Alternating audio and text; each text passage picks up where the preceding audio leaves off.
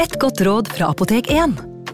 Nå er snart pollensesongen i gang, og et godt råd til deg som sliter med pollenallergi, er å begynne behandlingen i god tid før allergisesongen starter. Da får du nemlig enda bedre effekt av legemidlene, og så blir ikke våren din helt ødelagt. Kom innom og få råd på ditt nærmeste Apotek 1, eller chat med oss på apotek1.no. Apotek 1 vår kunnskap, din trygghet.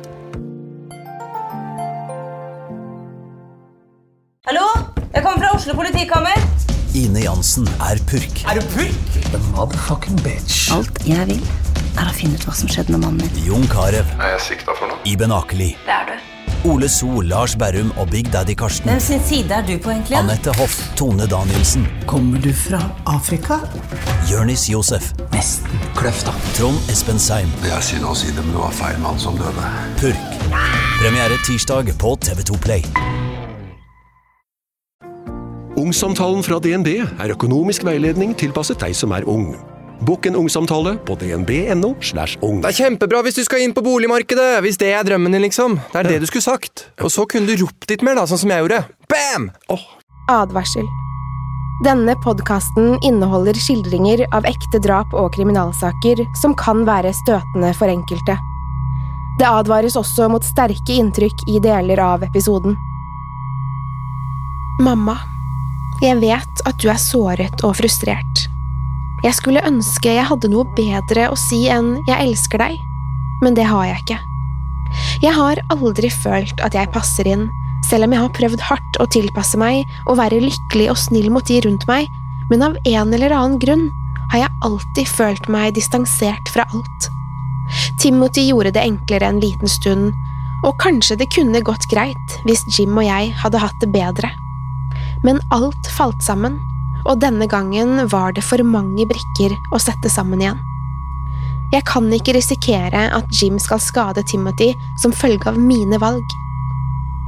Derfor har jeg tatt ham med til et trygt sted. Han blir tatt vare på, og han sier han er glad i deg. Jeg håper du forstår at det ikke er noe du kunne ha sagt eller gjort for at jeg skulle ombestemme meg. Jeg er lei for all smerten og utfordringene du vil oppleve. Jeg håper bare at du en dag kan tilgi meg. Dette brevet ble sendt fra Amy Fry Pitson til hennes mor, kort tid etter at Amy og hennes seks år gamle sønn Timothy hadde forsvunnet fra deres hjem i Aurora, Illinois. Amy ble funnet død på et hotellrom den 14. mai. Hun hadde tatt sitt eget liv. Det var ingen spor etter Timothy. Amy hadde hentet Timothy i barnehagen den 11. mai, og over de neste tre dagene hadde de reist rundt i Illinois og Wisconsin. Amy ble flere ganger observert sammen med Timothy i dagene som ledet opp til hennes selvmord. Hun hadde i dette tidsrommet kontaktet både moren sin og svogeren sin, men tok aldri telefonen da ektemannen hennes, Jim Pitson, forsøkte å kontakte henne. Isteden ba hun svogeren sin formidle et budskap til Jim. Dere kommer aldri til å finne ham. Velkommen til True Crime Podden.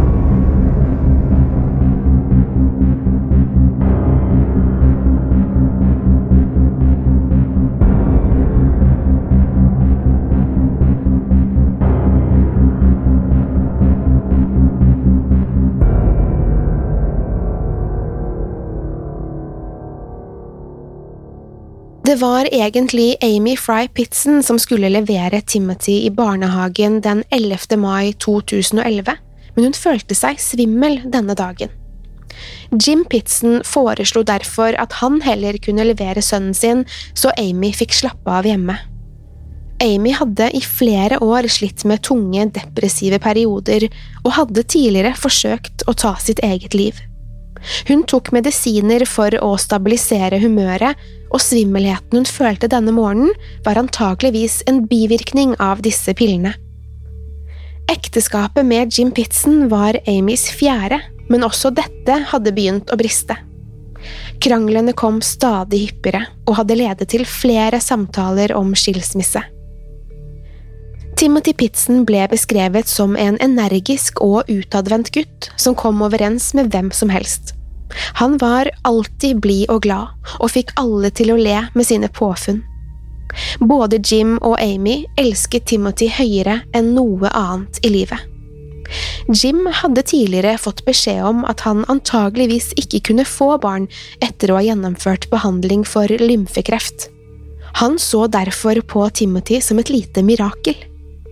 Heller ikke Amy hadde planlagt å bli mor, men fra øyeblikket sønnen deres kom til verden, var han det eneste som betydde noe for henne. Depresjonene hennes forsvant aldri helt, men det virket som om Timothy ga Amy en ny livsgnist. Det var Amy som ga han navnet Timothy, stavet med to m-er, for at han skulle føle seg unik. Jim leverte Timothy i barnehagen som avtalt. Jim sa farvel til sønnen sin med et enkelt budskap Jeg er glad i deg, vi sees senere. Timothy tok på seg ryggsekken sin og løp de siste meterne mot barnehagen. Dette var siste gang Jim så Timothy i live. En halvtimes tid etter at Jim hadde levert Timothy i barnehagen, dukket Amy opp.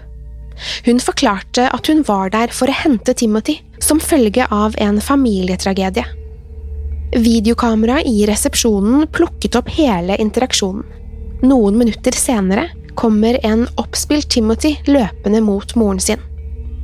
Da Jim senere på dagen ankom barnehagen for å hente Timothy, fikk han den overraskende beskjeden om at noen allerede hadde hentet sønnen. Jim skjønte ikke hva som foregikk, og forsøkte å forklare at det måtte være en feiltagelse.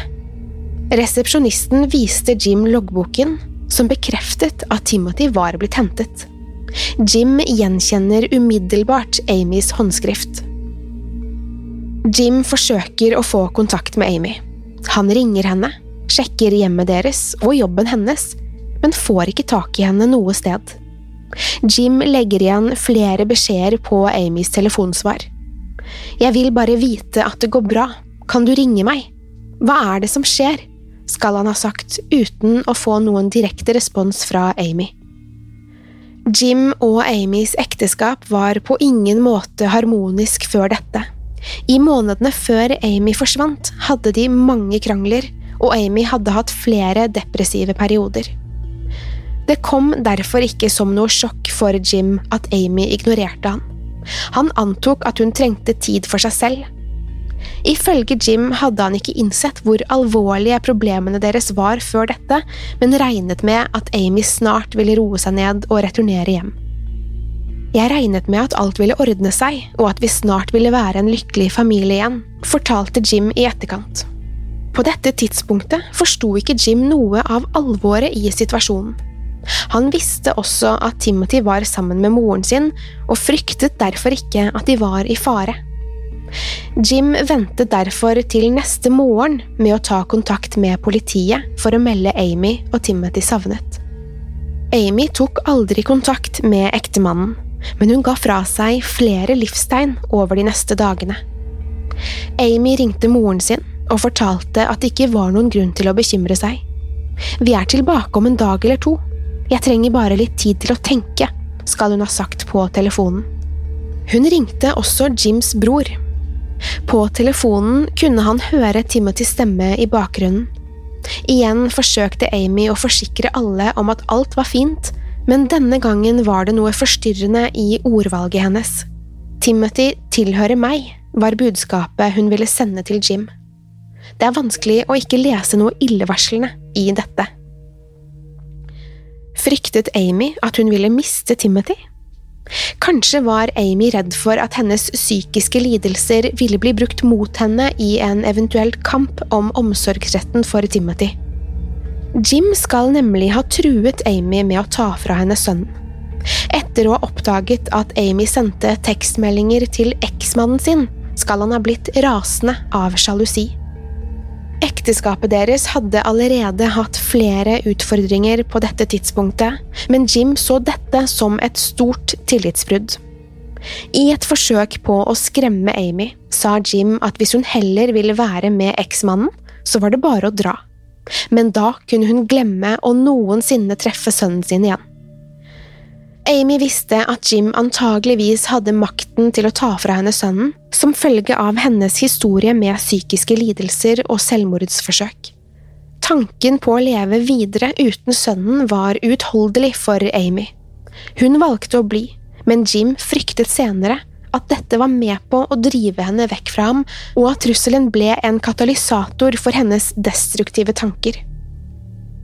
Tre dager etter at Amy og Timothy forsvant, banker det på døren til Jim Pitson. Det var politiet som kunne fortelle Jim at de har funnet Amy. Amy hadde tatt sitt eget liv. Hun ble funnet på et hotellrom og hadde tatt en overdose med antihistaminer. Hun hadde også kuttet både håndleddene og strupen sin. Nyheten kom som et sjokk på Jim, som selvfølgelig fryktet hva som hadde skjedd med sønnen. Det eneste politiet kunne fortelle ham, var at Timothy ikke var på hotellrommet med moren, og at han fremdeles var savnet. Oppgaven ble nå å forsøke å forstå hva som hadde skjedd i løpet av de tre siste dagene. Amy og Timothy skal ha reist flere mil gjennom både Illinois og Wisconsin. Sammen besøkte de både dyreparker og badeland. De skal hele tiden ha vært sammen, og ble plukket opp av et overvåkningskamera den 13. mai, da de sjekket ut fra Kalahari Resort i Wisconsin. Timothy virket på dette tidspunktet glad og fornøyd mens han lekte på gulvet med en liten lastebil. Det var ingen synlige tegn til de tragiske hendelsene som snart ville inntreffe. Senere samme dag blir Amy for første gang observert uten Timothy. Amy blir igjen fanget opp av et overvåkningskamera mens hun handler på et supermarked i Illinois.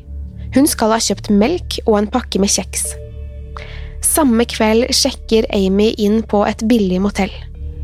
Det går tre timer mellom disse observasjonene. Butikken og motellet skal bare ha vært noen få kvartaler fra hverandre, så spørsmålet forblir hva Amy gjorde i løpet av disse tre timene. Da hun ankom motellet, hadde hun også skiftet klær. Antrekket hun hadde på seg da hun entret butikken, har aldri blitt funnet. Dagen etter ble Amy funnet livløs av en stuepike. Det har blitt diskutert om Amy hadde planlagt denne reisen i forkant, eller om dette var et plutselig innfall. Kanskje ønsket bare Amy at Timothy skulle sitte igjen med varme minner fra det som skulle bli deres siste ferietur sammen. Det er vanskelig å forestille seg hva som foregikk i Amys hode. På overflaten tilbrakte hun lykkelige dager med sønnen, mens hun samtidig planla sitt eget selvmord. Spørsmålet om hva som egentlig skjedde med Timothy, forblir sakens største mysterium. Selvmordsbrevet Amy etterlot på hotellet, fortalte at Timothy var i trygghet sammen med mennesker som elsket ham. Videre hevder brevet at Timothy aldri vil bli funnet. Familien valgte å leve i håpet om at Timothy fremdeles var i live, og at de en gang ville se ham igjen. Det virket som om Jim tok Amys ord bokstavelig, og han trodde på at hun hadde funnet mennesker som kunne ta seg av Timothy.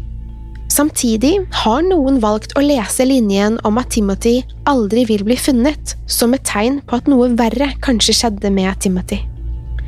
Brevet Amy sendte til moren sin virker å bekrefte at han er trygg.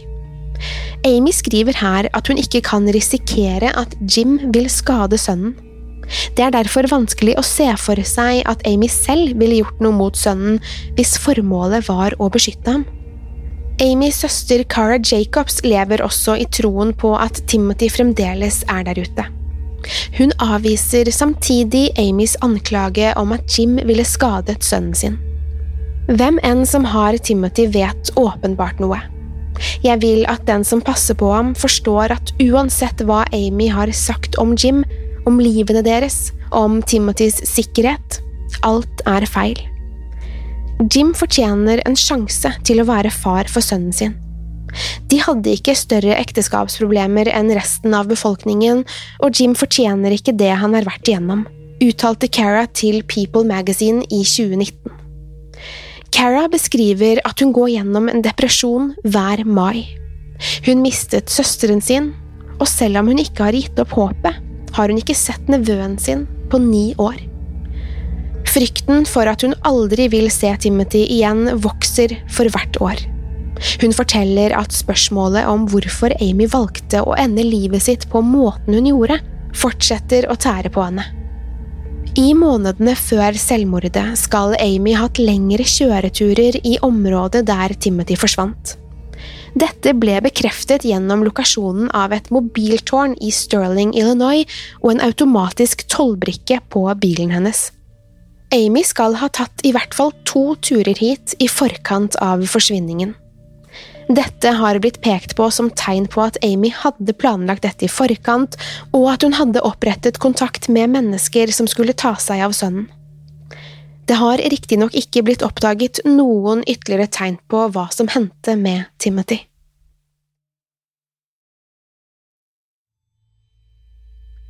Som en del av politiets etterforskning ble det gjennomført analyse av Amys bil.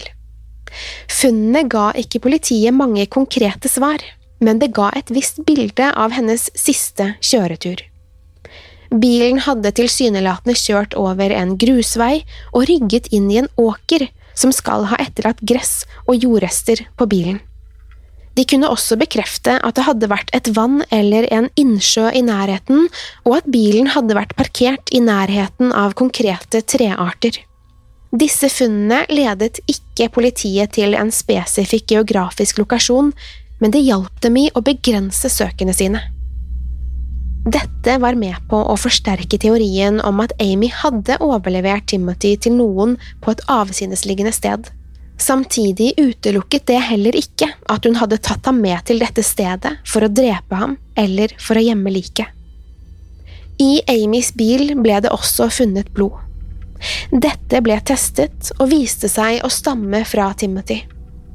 Jim og resten av familien nektet imidlertid å godta at dette var et tegn på at han hadde blitt skadet. Timothy blødde nemlig ofte neseblod, og familien så det derfor som sannsynlig at dette var kilden til blodet. Politiet fant riktignok ingen av Timothys eiendeler da de søkte gjennom Amys bil. Bilsetet hans var borte, det samme var ryggsekken hans. Amy skal ha kjøpt nye klær og leker til ham, men heller ingen av disse ble oppdaget i bilen. Alle gjenstandene var like sporløst forsvunnet som Timothy selv. Disse detaljene ledet mange til å tro at han faktisk var i live et sted. Det er vanskelig å se for seg en logisk årsak til at Amy ville kvittet seg med alle disse tingene dersom hun allerede hadde drept sønnen sin. Dersom hun gjorde dette for å dekke over et drap, kunne man kanskje forstått det, men Amy virket allerede å ha bestemt seg for å ta sitt eget liv. Politiet valgte å ikke utelukke noen muligheter, og vurderte fremdeles muligheten for at Timothy var drept. De gjennomførte omfattende søk etter Timothy i områder som matchet funnene fra bilen, men det ble ikke oppdaget et eneste spor etter ham. Politiet forhørte seg også med Amys utvidede familie, gamle venner og bekjente. Alle som kunne være aktuelle som trygge steder for Amy å etterlate sønnen. De undersøkte Amys internett, mail og telefonaktivitet, men heller ingen av disse søkene ga resultater. Politiet klarte ikke å finne tegn til at Amy hadde vært i kontakt med noen utover hennes nærmeste familie i dagene før hun og Timothy forsvant.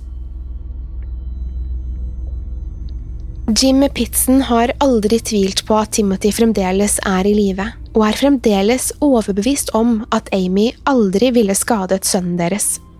Selv om årene har gått, har aldri Jim gitt opp håpet om å en dag gjenforenes med sønnen. Jim har samtidig uttrykt at han ikke forstår hvorfor Timothy, som i dag ville vært 15 år, ikke har forsøkt å kontakte ham.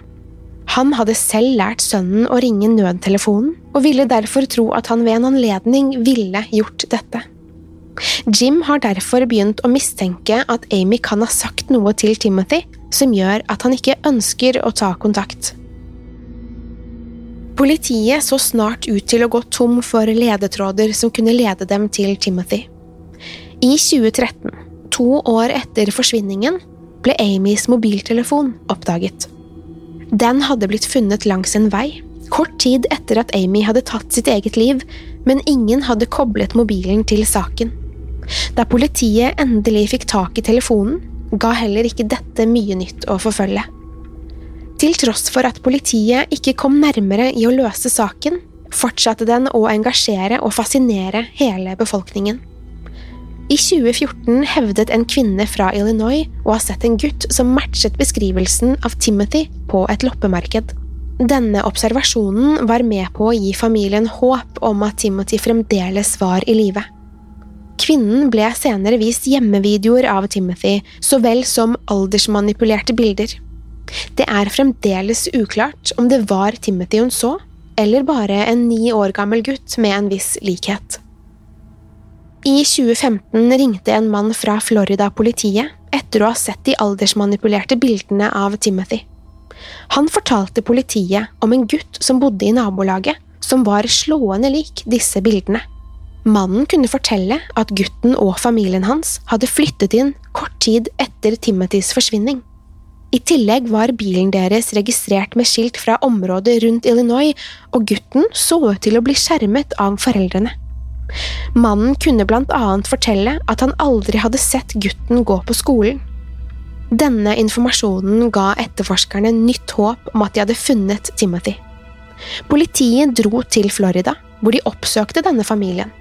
De fant gutten, men til tross for en åpenbar fysisk likhet, kunne de raskt avkrefte at det var Timothy.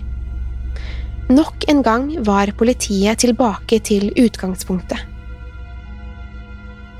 Så i 2019 virket endelig saken å få sitt store gjennombrudd. En ung mann sto frem og hevdet at han var Timothy Pitzen. I et øyeblikk ble familien fylt med håp og glede, men dette ville raskt snu seg til skuffelse og forakt. Personen som utga seg for å være Timothy, viste seg å være en 23 år gammel mann. Brian Michael Reaney skal ha hørt om saken på et nyhetsprogram og sett på dette som en mulighet til å finne seg en ny og bedre familie. Brian hadde nylig sluppet ut av fengsel da han vandret opp til politiet på gaten i Newport, Kentucky og fortalte dem at han var Timothy Pitson. Brian fortalte videre at han hadde sittet i fangenskap siden 2011, men at han endelig hadde klart å rømme. Politiet ble umiddelbart mistenksomme da Brian nektet å identifisere seg selv med fingeravtrykk. En DNA-test avslørte imidlertid raskt at Brian ikke var den han utga seg for å være. Brian skal tidligere ha blitt diagnostisert med Aspergers syndrom og bipolar lidelse, og broren hans kunne fortelle at dette ikke var første gangen han hadde utgitt seg for å være en annen.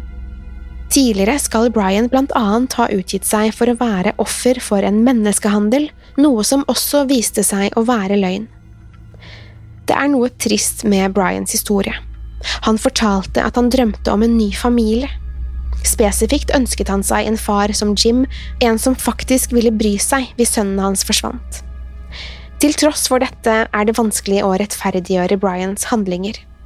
Ved å utgi seg for å være Timothy påførte han naturligvis familien nok en enorm emosjonell belastning.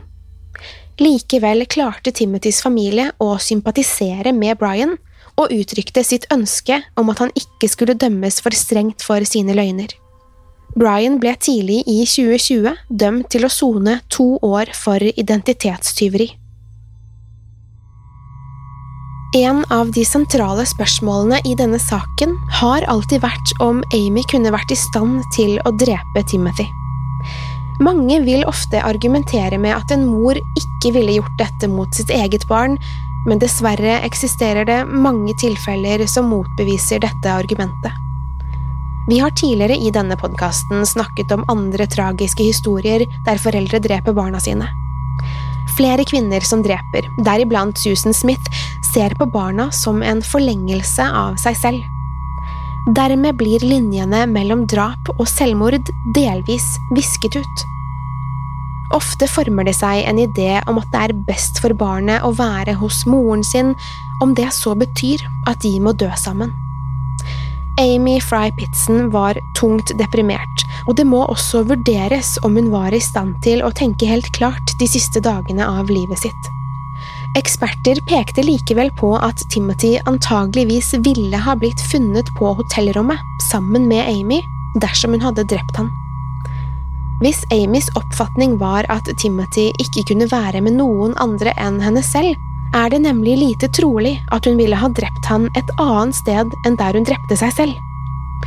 Annet enn blodet som ble funnet i Amys bil, var det heller ingen tegn som pekte på at Timothy var skadet eller drept. Ingen virker å tro at Amy hadde det i seg å skade sønnen, og forhåpentligvis er Timothy fremdeles der ute et sted. Dessverre vil nok dette forbli et mysterium, med mindre den ekte Timothy Pitzen en dag skulle stå frem. True Crime-podden er produsert av moderne media. Mitt navn er Pernille Tufte Radeid, og jeg vil takke Håkon Bråten for produksjon, lyd og musikk, og Anders Borgersen for tekst og manus. Til neste gang, pass på deg selv, og takk for at du har hørt på True Crime-podden.